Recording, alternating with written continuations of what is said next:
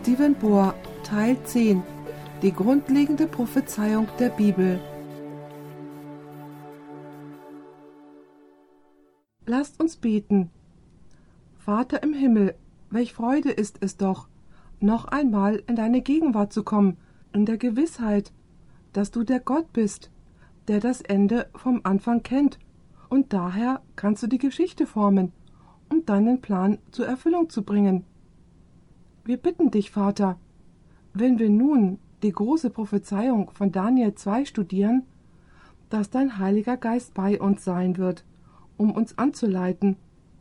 Hilf uns, Herr, dass wir dich jeden Tag mehr bewundern, denn du bist der Gott, der das Ende vom Anfang kennt, überaus weise, allwissend, allmächtig und ewig. Danke, dass du ein wunderbarer Vater bist. Und danke, dass du unser Gebet erhörst. Denn wir bitten dies im wertvollen Namen Jesu. Amen. In den nächsten zwei Vorträgen werden wir uns mit ein paar sehr grundlegenden Dingen beschäftigen, die wir dann im Verlauf des ganzen Seminars noch studieren werden. Wir werden jetzt den Übergang in das Allerheiligste des himmlischen Heiligtums beginnen bzw. vorbereiten. Nun, in diesem Vortrag werdet ihr die Verbindung von dem, was wir über das Heiligtum behandeln werden, noch nicht sehen. Aber glaubt mir, was wir jetzt studieren, legt den Grund für das, was wir im nächsten Vortrag betrachten werden, und noch viel grundlegender für das, was wir in Daniel 8 studieren werden, was insbesondere das Thema des Heiligtums anspricht. Ich möchte euch einladen, mit mir Daniel 2 aufzuschlagen, das das Kapitel ist, das wir heute studieren wollen. Das erste, was ich möchte, dass wir betrachten, ist, dass Gott wusste, was König Nebukadnezar dachte, als er auf seinem Bett lag. Gott kann Gedanken lesen. Hier ist der biblische Beweis, dass Gott Gedanken liest. Es heißt dort in Daniel 2, Vers 29, und Daniel spricht zum König mit deinem Traum und den Gesichten deines Hauptes auf deinem Lager verhielt es sich also. Dir, o König, stiegen auf deinem Lager Gedanken darüber auf, was nach diesem geschehen werde, und da hat dir der, welcher Geheimnisse offenbart, kundgetan, was geschehen wird. Woran dachte Nebukadnezar, als er zu Bett ging? Er dachte an die Zukunft seines Königreiches, denn es heißt hier Dir, o König, stiegen auf deinem Lager Gedanken darüber auf, was nach diesem geschehen werde. Wusste Gott, was Nebukadnezar gedacht hat? Das hat er ganz bestimmt getan. So, nun hat Gott zu Nebukadnezar gesagt, Du bist also daran interessiert zu wissen, was in der Zukunft geschieht. Gut, ich werde dir einen Traum geben, damit du verstehen kannst, was in der Zukunft geschehen wird. Und so haben wir nun in Daniel 2, Vers 1 diesen Traum. Hier heißt es, und im zweiten Jahre der Regierung Nebukadnezars hatte Nebukadnezar Träume, also, dass sein Geist sich beunruhigte und der Schlaf ihn floh. Nun, Nebukadnezar denkt an die Zukunft seines Königreiches Gott weiß, was er denkt. Und so sagt Gott, Okay, Nebukadnezar, ich gebe dir einen Traum, so dass du eine Antwort auf das bekommst, was dich wegen der Zukunft beunruhigt. Und so gibt Gott dem Nebukadnezar den Traum. Dann wacht dieser auf und kann sich an den Traum nicht erinnern. Beachtet Daniel 2, Vers 3, wo der König zu den Weisen Babylons spricht. Da sprach der König zu ihnen, ich habe einen Traum gehabt, und mein Geist ist beunruhigt, bis ich den Traum verstehe. Mit anderen Worten, er wachte auf und vergaß seinen Traum. Nun, was denkt ihr?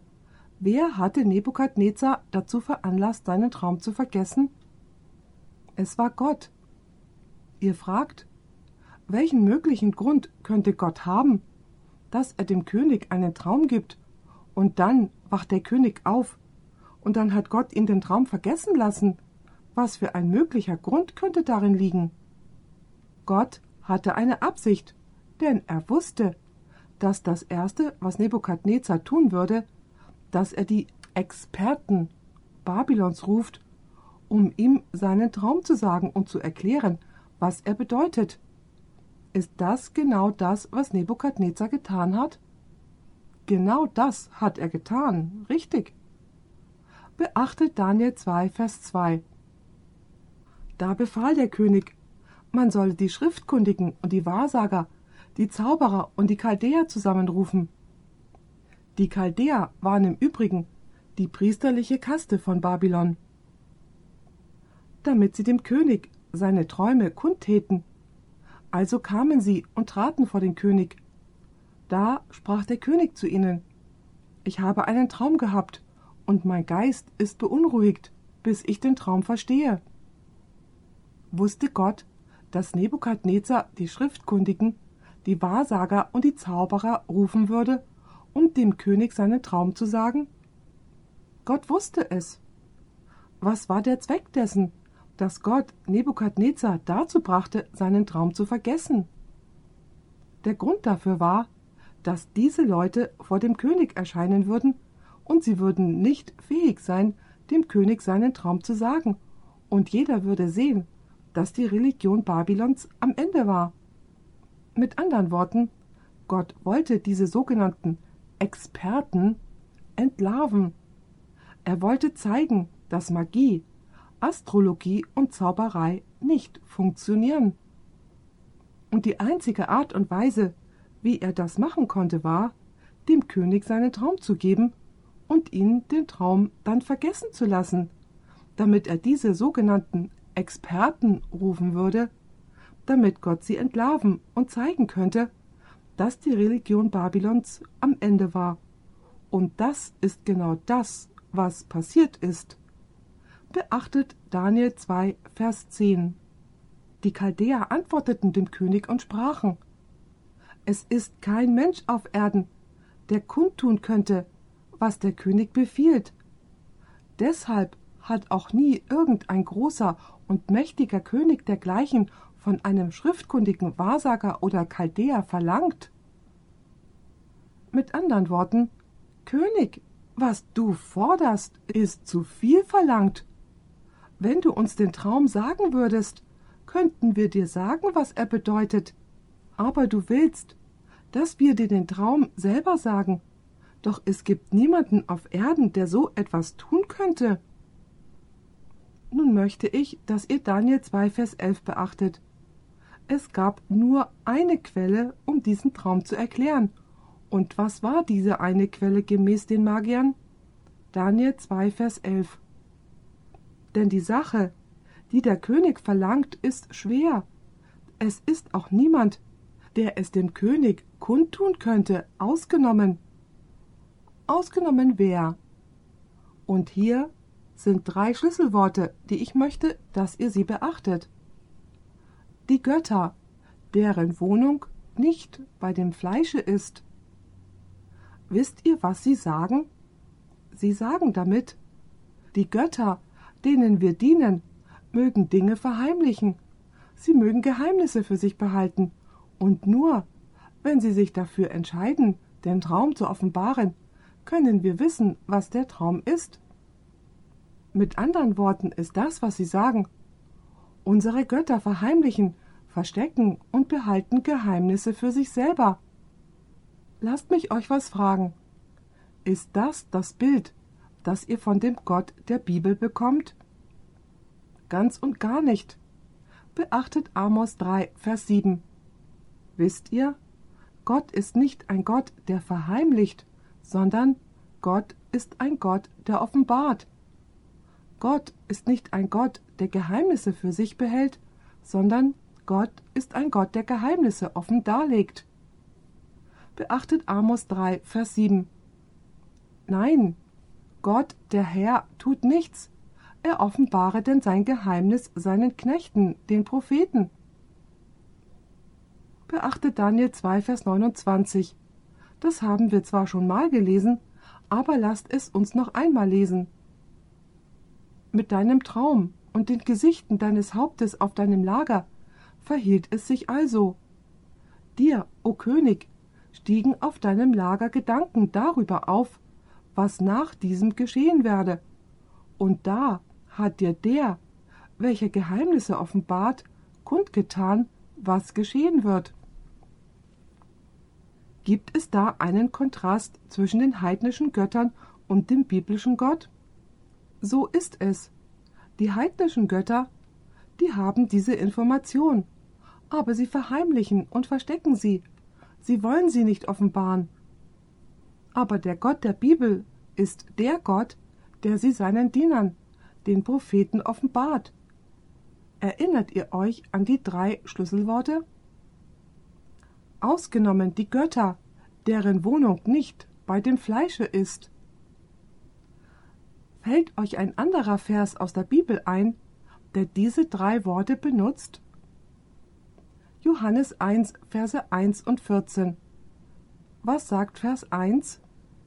Am Anfang war das Wort, und das Wort war bei Gott, und das Wort war Gott.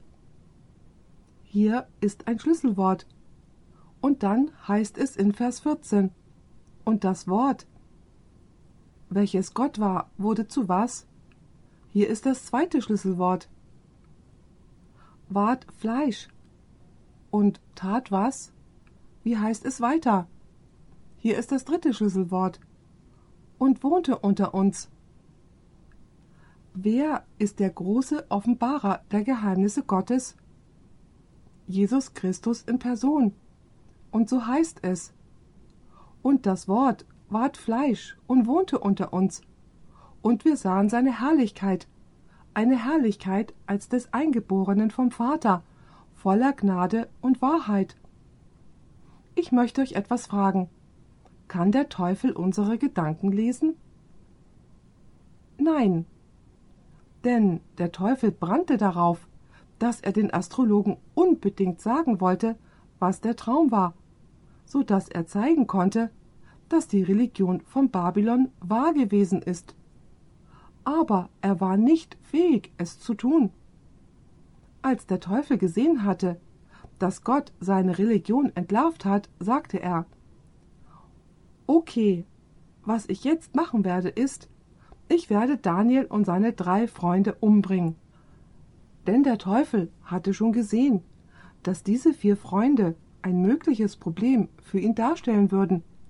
Denn in Kapitel 1 waren diese drei Freunde zusammen mit Daniel Gott treu geblieben, was ihre Speisen und Getränke betraf.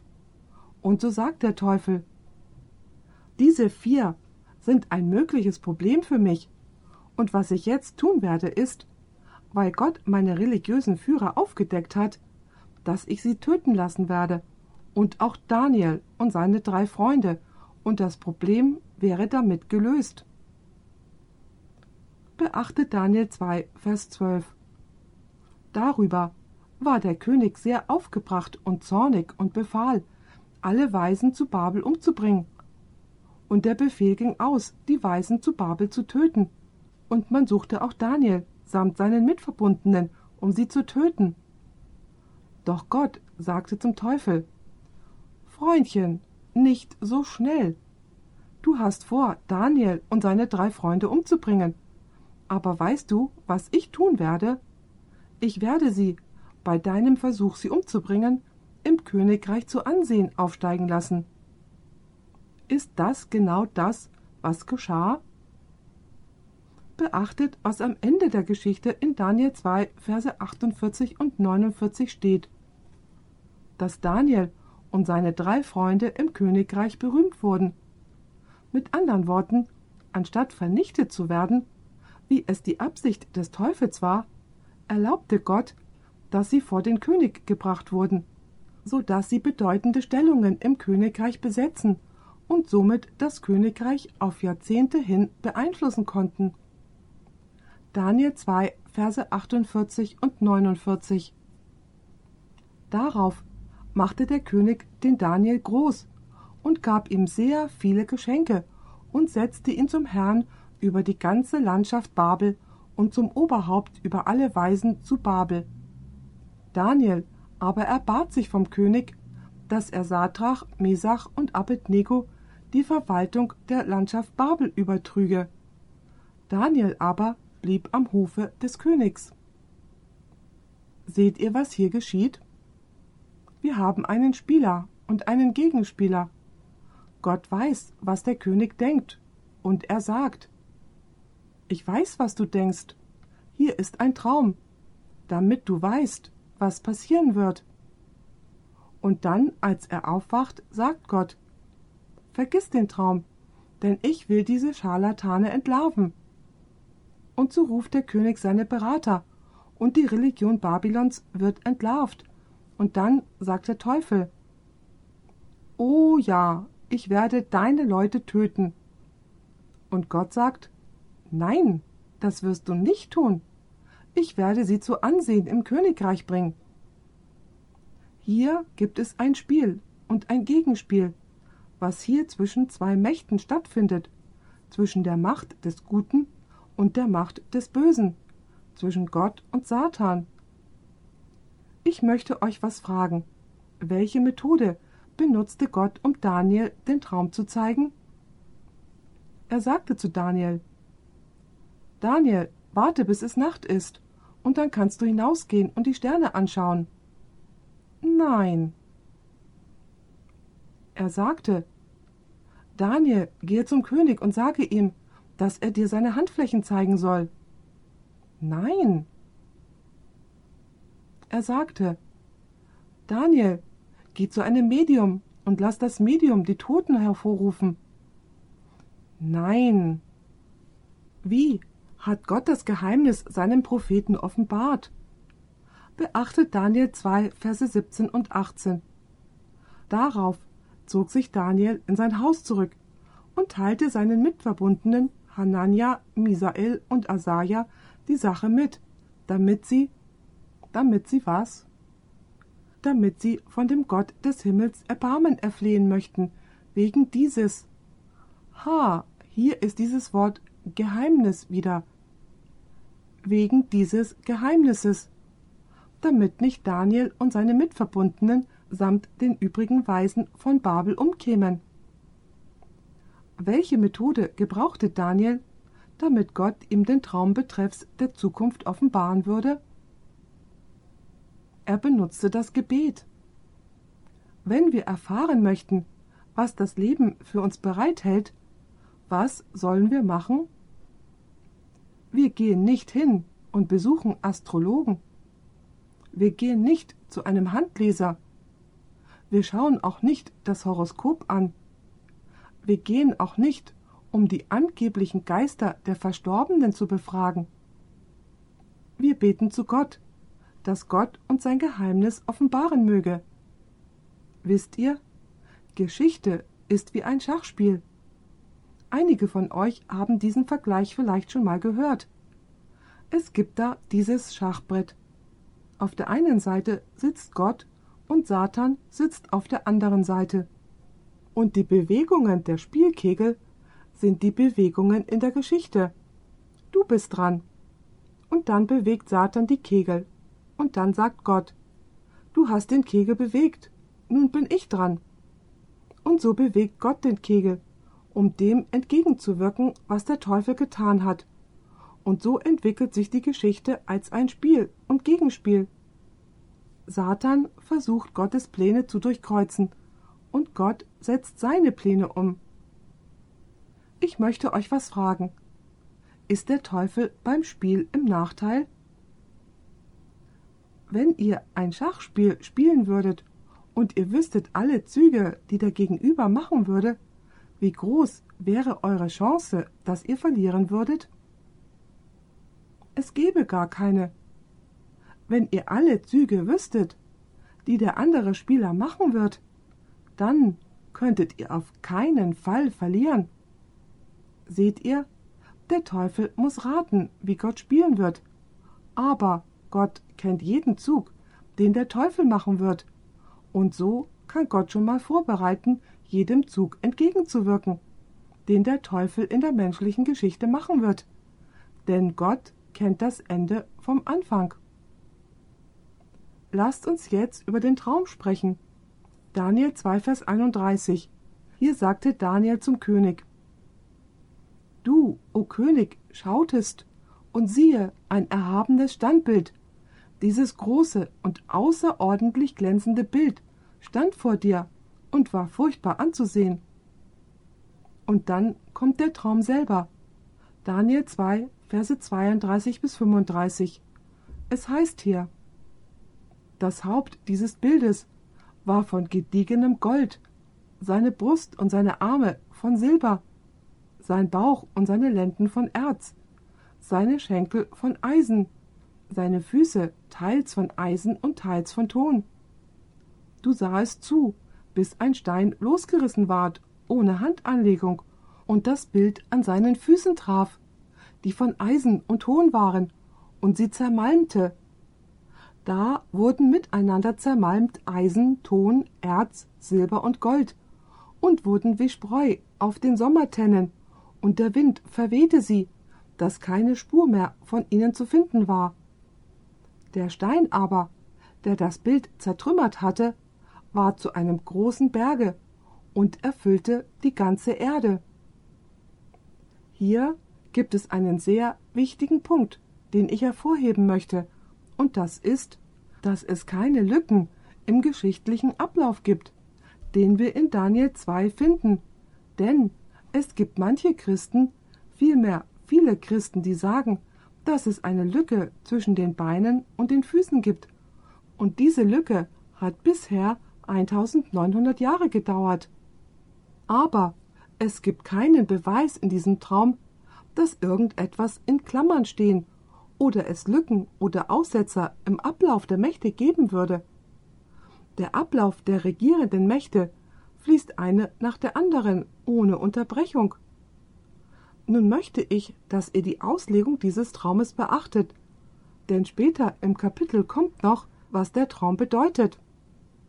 Geht mit mir zu Daniel 2, Verse 36 und 38. Jetzt werden wir sehen, wie Daniel den Traum auslegte oder erklärte. Hier sagt Daniel, das ist der Traum. Nun wollen wir vor dem König auch seine Bedeutung sagen. Du, o König, bist ein König der Könige. Warum war Nebukadnezar ein so großer König? Nun, hatte er mehr Waffen als andere? Hatte er eine mächtigere Armee? Hatte er mehr Geld? War er intelligenter? Ganz und gar nicht. Beachtet, wie es hier heißt. Du, o König, bist ein König der Könige, da dir der Gott des Himmels königliche Herrschaft, Reichtum, Macht und Glanz gegeben hat, und überall, wo Menschenkinder wohnen, Tiere des Feldes und Vögel des Himmels, hat er sie in deine Hand gegeben. Warum war Nebukadnezar König? Weil es Gottes Wille war, dass Nebukadnezar König sein sollte. Hat Gott Nebukadnezar dorthin gestellt? Wer hat die Kontrolle über die Menschheitsgeschichte? Gott hat die Kontrolle darüber. Nun beachtet den letzten Teil von Vers 38 er hat sie in deine Hand gegeben und dich zum Herrscher über sie alle gemacht. Und jetzt hört gut zu. Du bist das goldene Haupt. Erklärt diese Prophezeiung ganz eindeutig, was das goldene Haupt darstellt? So ist es. Was ist das goldene Haupt? Das goldene Haupt stellt Nebukadnezar dar. Aber was war das Königreich von Nebukadnezar? Sein Königreich war Babylon. In der Prophetie werden König und Königreich austauschbar gebraucht. Lasst uns zum nächsten Vers gehen und ihr werdet es ganz, ganz deutlich sehen. In Vers 38 im letzten Teil heißt es: Du bist das goldene Haupt. Und Vers 39 fährt damit fort, dass ihm gesagt wird: Nach dir aber wird ein anderes Reich aufkommen, nun, ist das goldene Haupt ein Königreich? Sicher, denn es heißt ja, nach dir aber wird ein anderes Reich aufkommen. Somit ist Nebukadnezar der König eines Königreiches. Das goldene Haupt stellt das Königreich Babylon dar. Und nach dem Königreich Babylon sollte was kommen? Ein weiteres Königreich. Es heißt hier, nach dir aber wird ein anderes Reich aufkommen, geringer als das deinige, und das nachfolgende dritte Königreich. Aus welchem Metall? Aus Bronze oder Ehren? Das Eherne wird über die ganze Erde herrschen. So, wie viele Königreiche gibt es bis jetzt? Drei. Das erste Königreich ist was? Babylon, das Königreich Nebukadnezars. Das zweite Königreich ist wessen Königreich? Der Meder und Perser. Es kam sofort nach Babylon. Sie haben Babylon eingenommen. Und welches Königreich kommt nach den Medern und Persern? Welches Königreich steigt auf? Griechenland. Nun hört zu, was ich sagen will. Ihr braucht noch nicht einmal zu den Geschichtsbüchern gehen, um zu wissen, dass die ersten Königreiche Babylon, Medo-Persien und Griechenland waren. Alles, was ihr tun müsst, ist, das Buch Daniel zu studieren. In Daniel stehen die Namen von allen dreien, was bedeutet, dass es leicht ist, Königreich Nummer vier zu bestimmen. Ihr fragt vielleicht, wie kann das sein? Sagt die Bibel uns, welches Königreich Babylon eingenommen hat? In Daniel 5, Vers 1 war Belsazar der König von Babylon und Darius der Meder, der König von Medo-Persien, kam in Daniel 6, Vers 1 und nahm Babylon ein. Die Truppen von Medo-Persien nahmen Babylon ein. Somit wissen wir, welches das zweite Königreich ist. Es ist Medo-Persien. Und dann in Daniel 8, das wir später noch in diesem Seminar studieren werden, heißt es, dass das Königreich, das aufkommen würde, Griechenland sei. Griechenland wird mit Namen genannt. Und somit aus dem Buch Daniel selber, ohne zum Geschichtsbuch zu gehen, wisst ihr, dass das erste Königreich Babylon ist. Ihr wisst, dass das zweite Königreich Medo-Persien ist. Und das dritte Königreich ist was? Das dritte Königreich ist Griechenland. Ist das klar? Babylon, Medo-Persien und Griechenland. Nun fragt ihr vielleicht, was wird das vierte Königreich sein? Wenn ihr die ersten drei bestimmt habt, die alle nacheinander, ohne Lücke, ohne Unterbrechung kommen, dann ist es leicht, das vierte zu bestimmen. Welches Königreich nahm das Königreich Griechenland ein? Es war Rom, das römische Reich. Lasst uns nun Daniel 2, Vers 40 lesen. Es heißt hier, das vierte Königreich aber wird so stark sein. Behaltet dieses Wort. Wird so stark sein wie Eisen das Wort stark ist das Schlüsselwort. Ebenso wie Eisen alles zertrümmert und zermalmt und wie Eisen alles zerschmettert, so wird es auch jene alle zermalmen und zerschmettern. Ist das eine ganz konkrete Beschreibung von Rom? Das ist es ganz sicher. In der Tat hat der große Historiker Edward Gibbon, der die fünf Bände der Aufstieg und Niedergang des römischen Reiches schrieb, Rom als die eiserne Monarchie von Rom bezeichnet. Das ist interessant, denn er war kein kirchengeschichtlicher Historiker, sondern ein weltlicher Historiker, und dennoch nennt er Rom die eiserne Monarchie von Rom. So sind die Königreiche ganz klar Babylon, Medo-Persien und Griechenland und das römische Reich. Aber nun möchte ich, dass ihr beachtet, was die Füße darstellen. Das ist das, wobei ich am längsten in unserem heutigen Vortrag verweilen will. Daniel 2, Vers 41. Dass du aber die Füße und Zehen teils aus Töpferton und teils aus Eisen bestehend gesehen hast, bedeutet, dass das Königreich, das ist das vierte Königreich, was wird mit ihm geschehen? Es wird geteilt werden, sich zerspalten wird, aber es wird etwas von der Festigkeit. Hier ist das Wort Festigkeit. Ihr erinnert euch an das Wort stark in Bezug auf das vierte Königreich. Jetzt heißt es hier die Festigkeit von was? Des Eisens darinnen bleiben, gerade so, wie du Eisen und Tonerde vermengt gesehen hast. Und wie die Zehen seiner Füße teils von Eisen und teils von Ton waren, so wird auch das Reich zum Teil widerstandsfähig. Welches ist im Übrigen der widerstandsfähige, starke Teil? Ist es der Eisenteil oder der Tonteil? Es ist der Eisenteil, der stark ist, und so heißt es in Vers 42. Und wie die Zehen seiner Füße teils von Eisen und teils von Ton waren, so wird auch das Reich zum Teil widerstandsfähig und zum Teil zerbrechlich sein.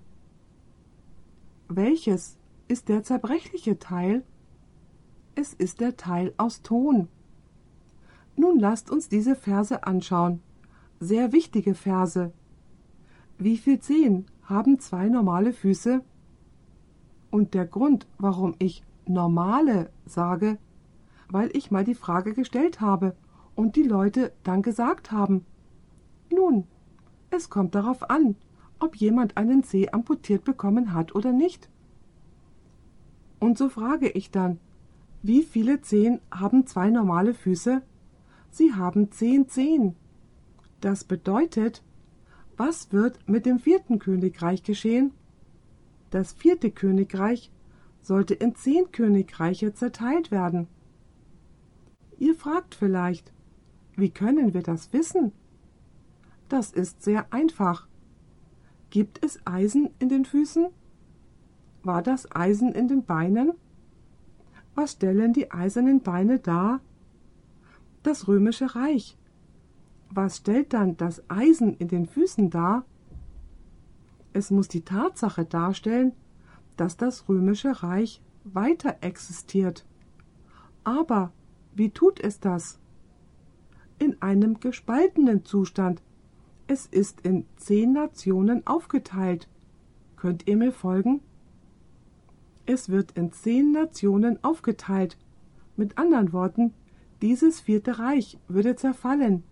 Es wäre immer noch Rom, weil das Eisen mit in den Füßen ist. Aber es sollte ein zerteiltes Rom werden. Doch nun möchte ich, dass ihr beachtet, dass dem Eisen in den Füßen ein weiteres merkwürdiges Element hinzugefügt ist. Was wurde hinzugefügt? Eine besondere Art von Ton. Töpferton. Frage. Was gab es vorher? Das Eisen oder den Ton? Das Eisen gab es vorher. Das Eisen geht weiter in die Füße. Und was wird dem Eisen hinzugefügt? Der Ton wurde nachträglich zum Eisen dazugefügt. Nun lasst mich euch dies fragen. Ist dies eine andere Art von Rom in den Füßen?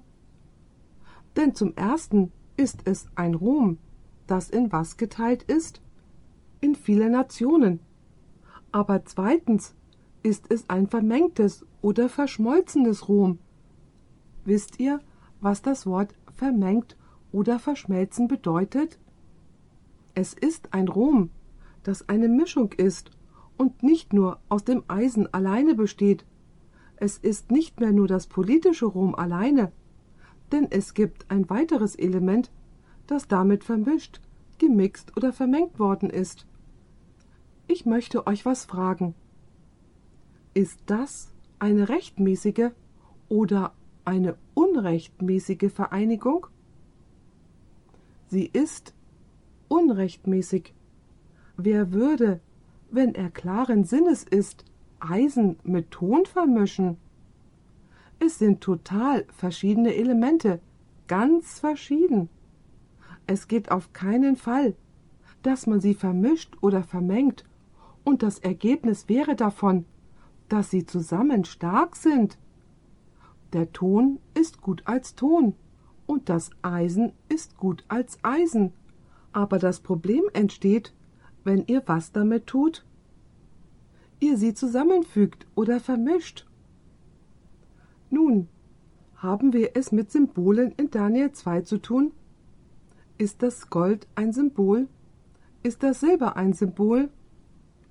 Ist die Bronze ein Symbol? Ist das Eisen ein Symbol? Ist der Stein ein Symbol? Ist der Berg ein Symbol?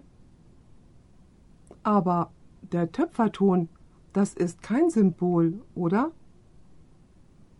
Was muss er ebenso sein? Er muss auch etwas darstellen oder symbolisieren, denn Rom wird geteilt werden und es wird eine andere Art Rom sein. Es wird ein gemischtes Rom sein. Und so müssen wir wissen, was der Ton darstellt. Denn wir wissen ja bereits, dass das Eisen die politische Macht des römischen Reiches darstellt. Das römische Reich wird als politische Einheit weiter bestehen, aber Ton wird dazugefügt werden. So müssen wir wissen, was die Bibel mit dem Ton des Töpfers meint. Nun lasst uns ein paar Schriftverse untersuchen, die erklären, was dieser Töpferton ist. Geht mit mir zu Jeremia 18, Verse 1 bis 6. Hört gut zu. Das Wort, welches an Jeremia von Seiten des Herrn erging, lautet also Mache dich auf und gehe in das Haus des Töpfers hinab da selbst will ich dich meine Worte hören lassen. Und ich ging in das Haus des Töpfers hinab, und siehe, da machte er gerade eine Arbeit auf der Scheibe. Das Gefäß, welches er aus Ton machte, misslang dem Töpfer unter den Händen. Da fing er von neuem an und machte daraus ein anderes Gefäß, wie es in den Augen des Töpfers richtig war. Was wird nun durch die Tatsache dargestellt, dass dieses Gefäß aus Ton von dem Töpfer gemacht wurde? Es misslang, und dann fing der Töpfer von vorne an und machte es zu einem ganz neuen Gefäß. Die Tatsache ist, dass Jeremia hier die babylonische Gefangenschaft beschreibt. Und wenn ihr einen Text haben wollt, der das beweist, dann geht zu Jeremia Kapitel 19 und der Vers 11 gebraucht die gleiche Wortwendung des Töpfers, um sich auf die Gefangenschaft von Israel zu beziehen, als sie von Nebukadnezar eingenommen worden sind. Jeremia 19, Vers 11 Ebenso will ich dieses Volk und diese Stadt zerbrechen, wie man eines Töpfers Geschirr zerbricht. Und in den folgenden Versen steht ganz deutlich, dass sie in babylonische Gefangenschaft geraten werden. Jeremia 20, Vers 4 Ich will auch ganz Juda in die Hand des babylonischen Königs geben, und er wird sie gefangen gen Babel führen. Jeremia 21, Vers 2 Frage doch den Herrn für uns, weil der babylonische König Nebukadnezar Krieg wider uns führt. Jeremia 21, Vers 7. Und danach spricht der Herr, ich will Zedekia in die Hand des babylonischen Königs Nebukadnezars übergeben. Jeremia 21, Vers 10. Denn ich habe mein Angesicht wider diese Stadt gerichtet zum Bösen und nicht zum Guten, spricht der Herr. In die Hände des babylonischen Königs wird sie gegeben und mit Feuer verbrannt werden noch einmal zurück zu unserem letzten Gedanken aus Jeremia 18, Verse 1 bis 6. Das Gefäß, welches er aus Ton machte, misslang dem Töpfer unter den Händen. Da fing er von neuem an und machte daraus ein anderes Gefäß, wie es in den Augen des Töpfers richtig war. Mit anderen Worten, Gott formte Israel am Berg Sinai als sein Volk doch durch ihren Abfall zerbrachen sie. Und was hat Gott nach 70 Jahren gemacht? Er hat sie wiederhergestellt und in ihr Land zurückgebracht. Was hat er also mit dem Gefäß gemacht? Er machte es noch einmal.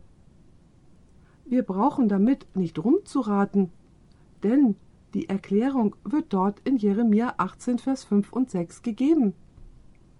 Da sprach der Herr zu mir: Kann ich mit euch nicht tun wie dieser Töpfer, du Haus Israel? Spricht der Herr: Siehe, wie der Ton in der Hand des Töpfers, also seid ihr in meiner Hand, Haus Israel.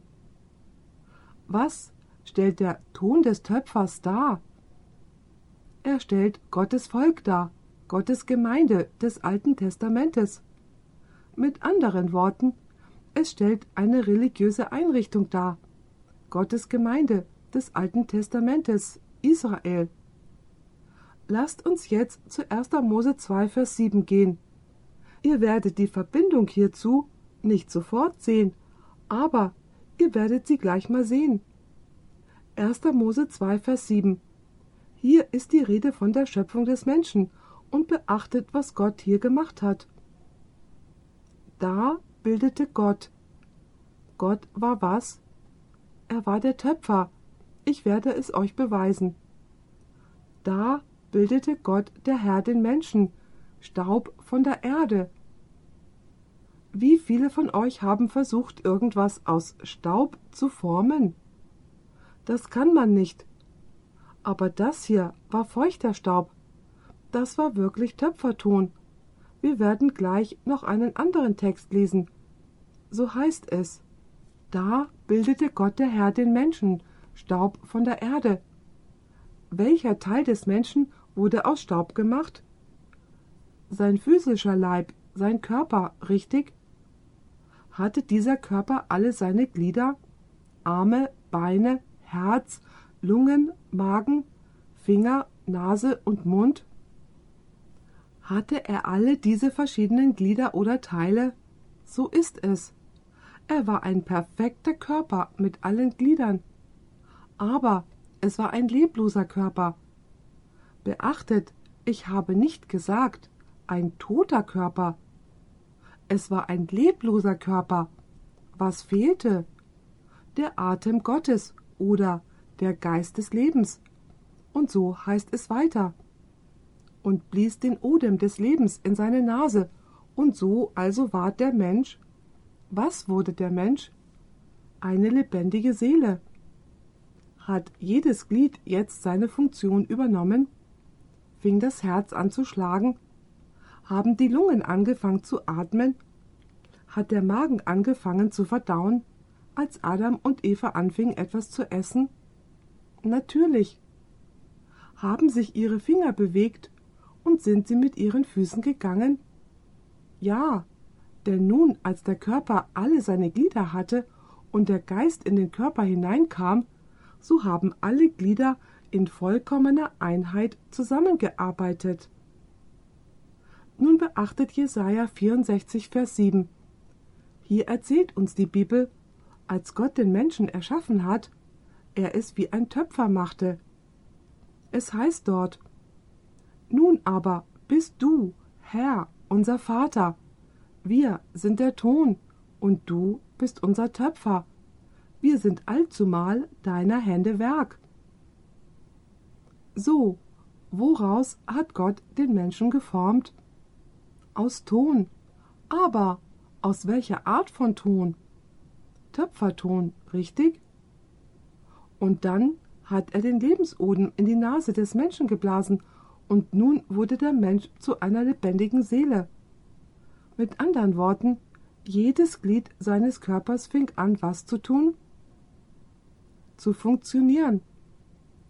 Jesaja 45, Vers 9 benutzt die gleichen Worte. Es heißt hier: Wehe dem, der mit seinem Schöpfer hadert eine Scherbe unter irdenen Scherben. Spricht auch der Ton zu seinem Schöpfer Was machst du? Oder ein Werk Er hat keine Hände. Nun, diese Verse sprechen von der buchstäblichen Schöpfung des Menschen. Aber die buchstäbliche Schöpfung des Menschen hat auch eine symbolische Bedeutung. Ihr fragt vielleicht, was meinst du mit symbolischer Bedeutung? Denn in Daniel 2 gehen wir nicht mit Buchstäblichen um, sondern mit Symbolen. Ich möchte euch was fragen. Was ist der Leib Christi symbolisch oder geistlich gesprochen? Der Leib Christi ist die Gemeinde. Beachtet Kolosser 1, Vers 18. Hier ist die Rede von Jesus und es heißt, und er ist das, was ist er? Und er ist das Haupt des Leibes der Gemeinde, er, der der Anfang ist, der Erstgeborene aus den Toten, damit er in allem der Erste sei. So, was ist der Leib Christi? Der Leib Christi ist die Gemeinde. Wer hat die Gemeinde geschaffen? Jesus sagte in Matthäus 16, Vers 18, Auf diesen Felsen will ich meine Gemeinde bauen. So, wer hat seinen Leib geschaffen? Jesus schuf die Gemeinde er schuf den Leib. In was für einem Zustand war der Leib vor dem Pfingsttag? Sind sie alle zusammengekommen? Ja, denn in Apostelgeschichte 1, Vers 14 heißt es, diese alle verharrten einmütig. Aber was fehlte immer noch? Was hatte der Leib noch nicht? Der Leib hatte noch keinen Lebensodem. So was geschah am Pfingsttag? Apostelgeschichte 2, Vers 2 bis 4. Es heißt hier, und es entstand plötzlich vom Himmel her ein Brausen, wie von einem daherfahrenden, gewaltigen Winde, und es erfüllte das ganze Haus, worin sie saßen, und es erschienen Zungen, die sich zerteilten, wie von Feuer, und setzten sich auf einen jeglichen unter ihnen. Und sie wurden alle vom Heiligen Geist erfüllt und fingen an, in anderen Sprachen zu reden, wie der Geist es ihnen auszusprechen gab. Übrigens, sie sprachen nicht nur in anderen Sprachen, alle Gaben des Geistes wurden nun in der Gemeinde lebendig. Erfasst ihr das Bild? Jetzt haben wir es mit Symbolen zu tun. In 1. Mose 2, Vers 7 habt ihr die buchstäbliche Schöpfung des buchstäblichen Menschen. Aber das ist symbolisch für die Gemeinde Jesu Christi, die er sozusagen aus Töpferton geschaffen hat. Und dann hat er ihr was gegeben? Den Heiligen Geist, den Lebensodem. Ich möchte euch was fragen. Fing der Leib jetzt an zu funktionieren? Hat jedes Glied des Leibes damit angefangen, seine Funktion zu erfüllen? Ja, und ich habe mir diese Veranschaulichung nicht ausgedacht. Die Veranschaulichung ist die des Apostels. Seht dazu Korinther 2, Verse 12 und 13. Hier steht sehr klar: Denn gleichwie der Leib einer ist und doch viele Glieder hat, alle Glieder des Leibes aber, wiewohl ihrer viele sind, doch nur einen Leib bilden, also auch Christus. Denn wir wurden alle in einem Geist zu einem Leibe getauft, seien wir Juden oder Griechen, Knechte oder Freie, und wurden alle mit einem Geist getränkt. Nun eine Frage. Was stellt der Töpferton dar?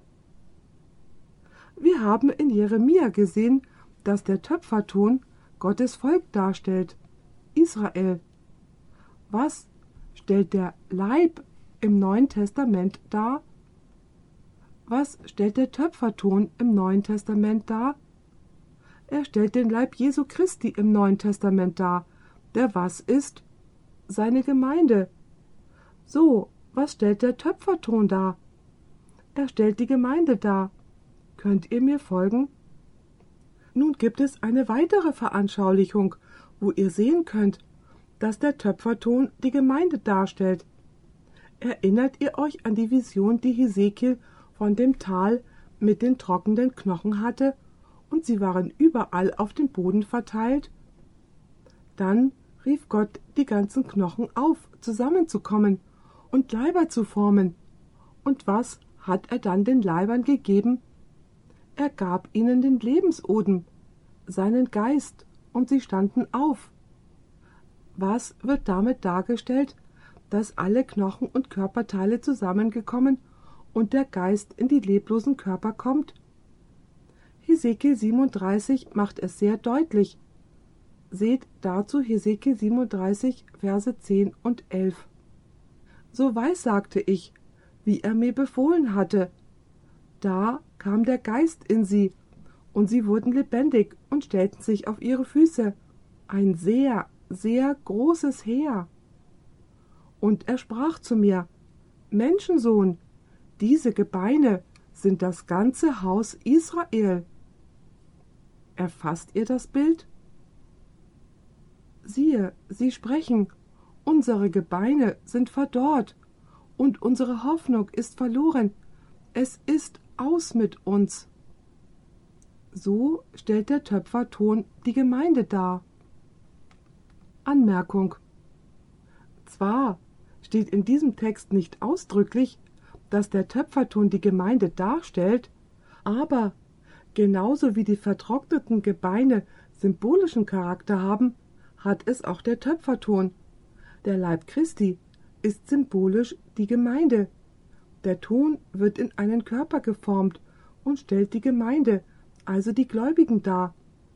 Hesekiel hat in der Vision gesehen, wie die trockenen Gebeine durch den Geist wieder zu lebendigen Menschen wurden, und sie stellten Israel dar.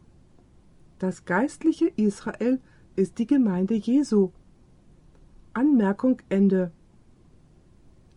Lasst uns jetzt zu unserem eigentlichen Thema von Daniel 2, dem Standbild, zurückkehren, das wir vor dieser Erklärung behandelt haben.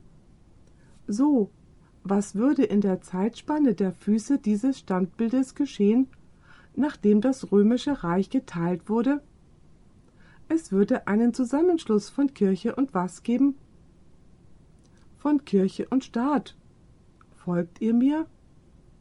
Mit anderen Worten, in der Zeitspanne der Füße würdet ihr nicht nur ein Reich haben, sondern es würde ein Reich sein, das Kirche und Staat vereinigen würde. Merkt euch das, denn wir werden im nächsten Vortrag darauf zurückkommen, wenn wir Daniel 7 studieren werden. Nun hört zu. Offenbarung 17 stellt den gleichen Gedanken, aber mit anderen Symbolen dar. Geht mit mir zur Offenbarung 17 und dies spricht von der Endzeit. Offenbarung 17, Verse 1 und 2. Verschiedene Symbole, gleiche Bedeutung. Vereinigung Kirche und Staat. Es heißt hier, und es kam einer von den sieben Engeln, welche die sieben Schalen hatten, redete mit mir und sprach, Komm, ich will dir das Gericht über die große Hure zeigen. Was stellt eine Frau in der Prophetie dar? Sie stellt eine Gemeinde dar. Wenn es eine reine Frau ist, über was für eine Gemeinde sprechen wir dann? Eine reine Gemeinde. Wir haben über die Frau in Offenbarung 12 gesprochen. Erinnert ihr euch daran? Sie stellt Gottes treue Gemeinde dar. Wenn es aber eine Frau ist, die eine Hure darstellt, über was für eine Gemeinde sprechen wir dann? Wir sprechen über eine Gemeinde, die abgefallen ist. Nun aber, wie ist sie zu Hure geworden? Wie wurde die Gemeinde eine Hure? Wie wurde sie zur ehebrecherischen Frau? Lasst uns weiterlesen. Es heißt in Offenbarung 17, Verse 1 und 2. Komm, ich will dir das Gericht über die große Hure zeigen, die an vielen Wassern sitzt. Und jetzt kommt die Erklärung, wie die Gemeinde zur Hure wurde. Vers 2 Mit welcher die Könige der Erde was gemacht haben? Mit welcher die Könige der Erde Unzucht getrieben haben und von deren Wein der Unzucht die Bewohner der Erde trunken geworden sind. Wie ist sie zur ehebrecherischen Hure geworden? Weil sie Unzucht mit wem getrieben hat? Mit den Königen der Erde. Ist das eine Vereinigung zwischen Kirche und Staat? Es ist ganz gewiss eine Vereinigung zwischen Kirche und Staat. Hat die Kirche das Recht, als Kirche zu bestehen? Ja. Hat der Staat seine Funktion als Staat? So ist es. Wo beginnt aber dann das Problem? Das Problem entsteht, wenn die Vereinigung unrechtsmäßig ist. Denn die Kirche soll nun mit wem verheiratet sein? Mit Jesus Christus. Jesus ist der Ehemann und die Kirche ist seine Braut. So, was passiert, wenn die Kirche versucht, die Könige der Erde dahin zu bringen, das zu tun, was Jesus Christus tun sollte? Die Kirche begeht Ehebruch. Die Kirche wird zu Hure. Ist das genau das, was passiert ist, als das römische Reich zerfiel? Hat sich eine Kirche erhoben, die die politische Macht Roms benutzt hat, um diejenigen zu verfolgen, die nicht im Einklang mit der Kirche standen? Ja oder nein? So ist es. Dies kann geschichtlich bewiesen werden. Ihr habt wahrscheinlich gewusst, dass ich nicht durch den ganzen Vortrag gehen würde, ohne von Ellen White zu lesen. Die kleine alte Frau wusste es die ganze Zeit. Und sie ist nicht durch all dieses biblische Studium hindurchgegangen, wie wir es gemacht haben. Wisst ihr? Ihr könnt ins Internet gehen und jeglichen Mist finden, der dort über Ellen White gebracht wird. Verschwendet nicht einmal die Zeit, es zu lesen oder anzuschauen.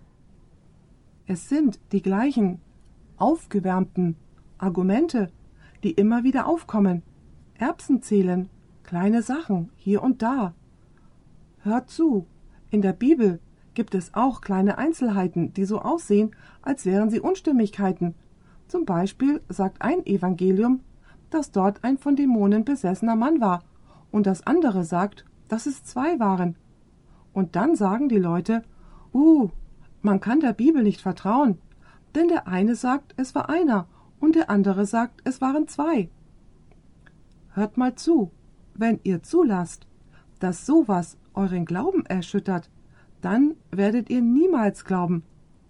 Die Sache ist, dass kleine Dinge keinen Unterschied machen. Es ist das große Gesamtbild. Und je mehr ich Ellen White lese und je mehr ich sehe, wie sie im Einklang mit der Bibel ist, staune ich. Nicht, weil sie eine andere Bibel ist, nicht, weil sie den Platz der Bibel einnimmt, nicht, weil sie mehr als die Bibel weiß, nicht, weil sie mehr Lehren bringt, die nicht in der Bibel sind, aber weil sie das erklärt, verstärkt und vereinfacht, was in der Bibel ist. Nun hört euch diese Aussage an. Sie steht im STA Bibelkommentar Band 4 auf Seite 1168. Sie sagt folgendes: Wir haben eine Zeit erreicht, wo Gottes heiliges Werk von den Füßen des Standbildes dargestellt wird. Sie sagt, wir sind jetzt in dieser Zeit, in denen das Eisen mit dem Ton vermengt ist. Und dann sagt sie, Gott hat ein Volk, ein auserwähltes Volk, dessen Unterscheidungsvermögen geheiligt sein muss, das nicht unheilig werden darf, indem es Holz, Heu und Stoppeln auf das Fundament legt. Jeder Mensch, der den Geboten Gottes treu ist, wird sehen, dass das Unterscheidungsmerkmal der siebente Tagssabbat ist.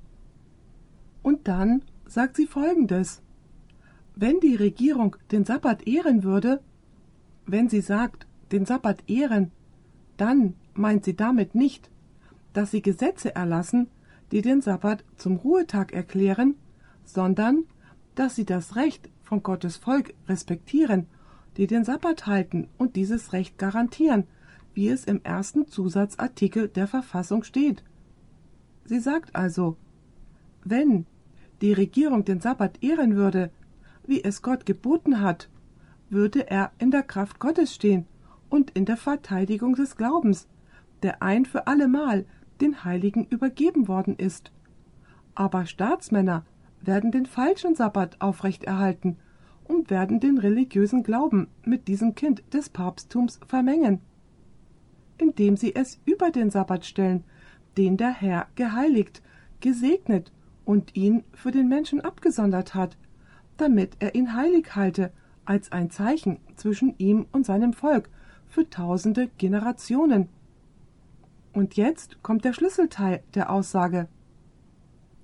Die Vermischung von Kirche und Staat wird durch das Eisen und den Ton dargestellt. Diese Vereinigung schwächt alle Kräfte der Kirche. Dieses Zusammenspiel der Kirche mit der Macht des Staates wird arge Ergebnisse bringen. Die Menschen haben fast den Punkt von Gottes Geduld überschritten. Sie haben ihre Kraft in Politik investiert und haben sich mit dem Papsttum verbunden. Aber die Zeit wird kommen, wenn Gott diejenigen bestrafen wird, die sein Gesetz für ungültig erklärt haben, und ihr böses Werk wird auf sie selber zurückfallen. Ist das nicht eine bemerkenswerte Aussage? Es ist eine erstaunliche Aussage im Licht von dem, was wir in der Bibel studiert haben. Nun können wir nicht zum Ende kommen, ohne vom Berg und vom Stein zu sprechen. Lasst uns nun zu Daniel 2, Verse 34 und 35 gehen. Das ist der Höhepunkt dieses Traumes. Das ist der Traum selber. Und wir werden dann noch die Erklärung dazu lesen, was er bedeutet. Es heißt dort in Daniel 2, Verse 34 und 35. Du sahest zu, bis ein Stein losgerissen ward, ohne Handanlegung, und das Bild an seine Füße traf, die von Eisen und Ton waren, und sie zermalmte. Wir kommen gleich noch darauf zurück. Vers 35. Da wurden miteinander zermalmt Eisen, Ton, Erz, Silber und Gold und wurden wie Spreu auf den Sommertennen und der Wind verwehte sie, dass keine Spur mehr von ihnen zu finden war. Der Stein aber, der das Bild zertrümmert hatte, war zu einem großen Berge und erfüllte die ganze Erde. Nun, was bedeutet der Berg, der die ganze Erde erfüllte? In der Erklärung dieses Traumes in Vers 44 steht, was es bedeutet. Daniel 2, Vers 44. Aber in den Tagen jener Könige wird der Gott des Himmels ein Reich aufrichten, das ewiglich nie untergehen wird, und sein Reich wird auf kein anderes Volk übergehen. Mit anderen Worten, es wird keine Königreiche mehr geben. Es wird all jene Königreiche zermalmen und ihnen ein Ende machen, es selbst aber wird ewiglich bestehen. Der Berg stellt das ewige Königreich Jesu Christi dar, das die ganze Erde ausfüllt. Aber nun ist die Frage, wie wird dieses Königreich gegründet? Und hier kommen wir zum Stein. Der Stein muss etwas tun. Er muss die Königreiche der Welt zerstören, damit dieser Stein zum Berg werden kann, der die ganze Erde ausfüllt. Geht mit mir zu Daniel 2, Vers 45 und ich möchte, dass ihr eine interessante Einzelheit dieses Steines beachtet. Es heißt, ganz so, wie du gesehen hast, dass sich von dem Berge ein Stein ohne Handanlegung loslöste und das Eisen, das Erz, den Ton, das Silber und das Gold zermalmte. Der große Gott hat dem König kundgetan, was hernach geschehen soll. Das ist wahrhaftig der Traum und zuverlässig seine Deutung. Hier ist also der Stein. Und wie wurde er aus dem Berg losgelöst? Nun, was stellt dieser Stein dar? Geht mit mir zu Matthäus 21, Vers 42. Und dies ist nur einer von vielen Texten, die ich vom Neuen Testament vorlesen könnte. Dies ist die Schlussfolgerung eines Gleichnisses, das Jesus von den Arbeitern im Weinberg gibt. Wir werden in einer der folgenden Vorträge darauf zurückkommen. Anmerkung es handelt sich hierbei um den Vortrag Nummer 15, die Prophezeiung der 70 Wochen Teil 1. Anmerkung Ende. Kommen wir nun zu Matthäus 21, Vers 42. Jesus spricht zu ihnen. Habt ihr noch nie gelesen in der Schrift? Der Stein, den die Bauleute verworfen haben, ist zum Eckstein geworden. Das ist vom Herrn geschehen, und es ist wunderbar in unseren Augen. Auf wen bezog sich Jesus, als er von dem Stein sprach, den die Bauleute verwarfen? Er sprach von sich selber. So, was stellt der Stein von Daniel 2 dar? Er stellt Jesus Christus dar. Nun beachtet, dass dieser Stein, wie aus dem Berg gelöst wurde, ohne Handanlegung, ohne Hände. Was bedeutet das? Ohne Hände. Lasst uns zu zwei Versen gehen, die das erklären. Hebräer 9, Vers 11. Jetzt lasst uns anschauen, was ohne Hände bedeutet. Es heißt hier, und es spricht vom himmlischen Heiligtum, verglichen mit dem Heiligtum auf der Erde. Als aber Christus kam, als ein hoher Priester der zukünftigen Güter, ist er durch das größere und vollkommenere Zelt. Welches Zelt ist das? Welches ist das größere und vollkommenere Zelt? Es ist das himmlische Heiligtum. Wer hat das Heiligtum auf der Erde gebaut? Mose. Wurde es durch menschliche Hände gebaut? Ja, aber beachtet. Als aber Christus kam, als ein hoher Priester der zukünftigen Güter, ist er durch das größere und vollkommenere Zelt, das nicht mit Händen gemacht, das heißt nicht von dieser Schöpfung ist. Wisst ihr, es gibt diese Anschauung unter Christen, dass wir die Welt übernehmen müssen. Wir müssen die Macht des Staates gebrauchen, um das Königreich Christi in den Vereinigten Staaten aufzurichten. Wir müssen zu der guten alten Zeit zurückkehren, als dies eine christliche Nation war. Wisst ihr, die beste Art und Weise, dies eine christliche Nation zu machen, ist nicht, an den Präsidenten zu appellieren, dies zu tun, sondern dass die Gemeinde hinausgeht und unter der Kraft des Heiligen Geistes und die Wahrheit von Jesus Christus verkündigt. Das ist die Mission, zu dem Gott die Gemeinde aufgerufen hat. Gott hat die Gemeinde nicht aufgerufen, nach Washington DC und zur Lobby zu gehen, damit der Staat das tut, was die Gemeinde tun sollte. Und abgesehen davon, der Staat verändert niemals die Herzen. Es ist der Heilige Geist, der durch die Macht des Evangeliums, das von der Gemeinde gepredigt wird, eine Veränderung in das menschliche Herz bringt. Mit anderen Worten, das Königreich Christi wird nicht durch Menschen innerhalb der Geschichte aufgerichtet werden. Es wird außerhalb menschlicher Geschichte durch ein Wunder Gottes aufgerichtet werden. Es ist nicht von dieser Schöpfung. Beachtet einen weiteren Text. Markus 14, Verse 57 und 58. Hier spricht Jesus von seinem eigenen Leib. Wer gab dem Leib Christi sein Dasein, als er Mensch wurde? Maria, nicht wahr? Er wurde von Maria geboren, so wie wir alle von Frauen geboren worden sind. Wie verhält es sich mit dem auferstandenen Leib Christi? Dieser Leib wurde durch ein Wunder von Gott, dem Vater, gegeben. Es heißt in Markus 14, Verse 57 und 58.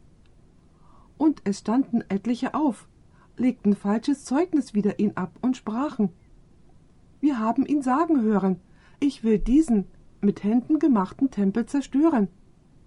Das war der Tempel, den sie gebaut haben und den Herodes umgebaut hatte.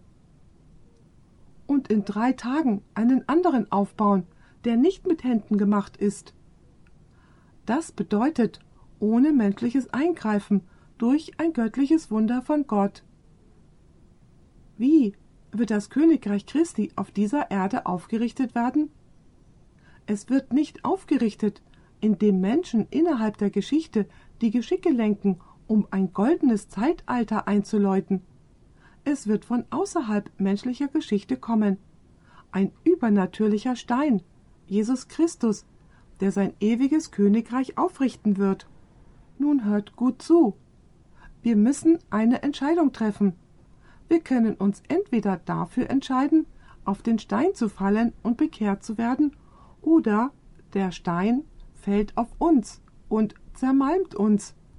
Das ist alles schön und gut, wenn wir über Reiche und Königreiche sprechen. Aber wie steht es damit uns persönlich? Lasst uns nun zum Schluss kommen, indem wir Matthäus 21, Vers 44 lesen. Ich glaube, dass Jesus sich hier auf die Prophezeiung von Daniel 2 bezieht. Er sagt dort in Vers 44, Und wer auf diesen Stein fällt, er spricht von sich selber. Das bedeutet, wessen Herz zerbrochen wird und bekehrt ist, wird gebrochen werden. Aber nun beachtet, aber auf wen er fallen wird, den wird er zermalmen.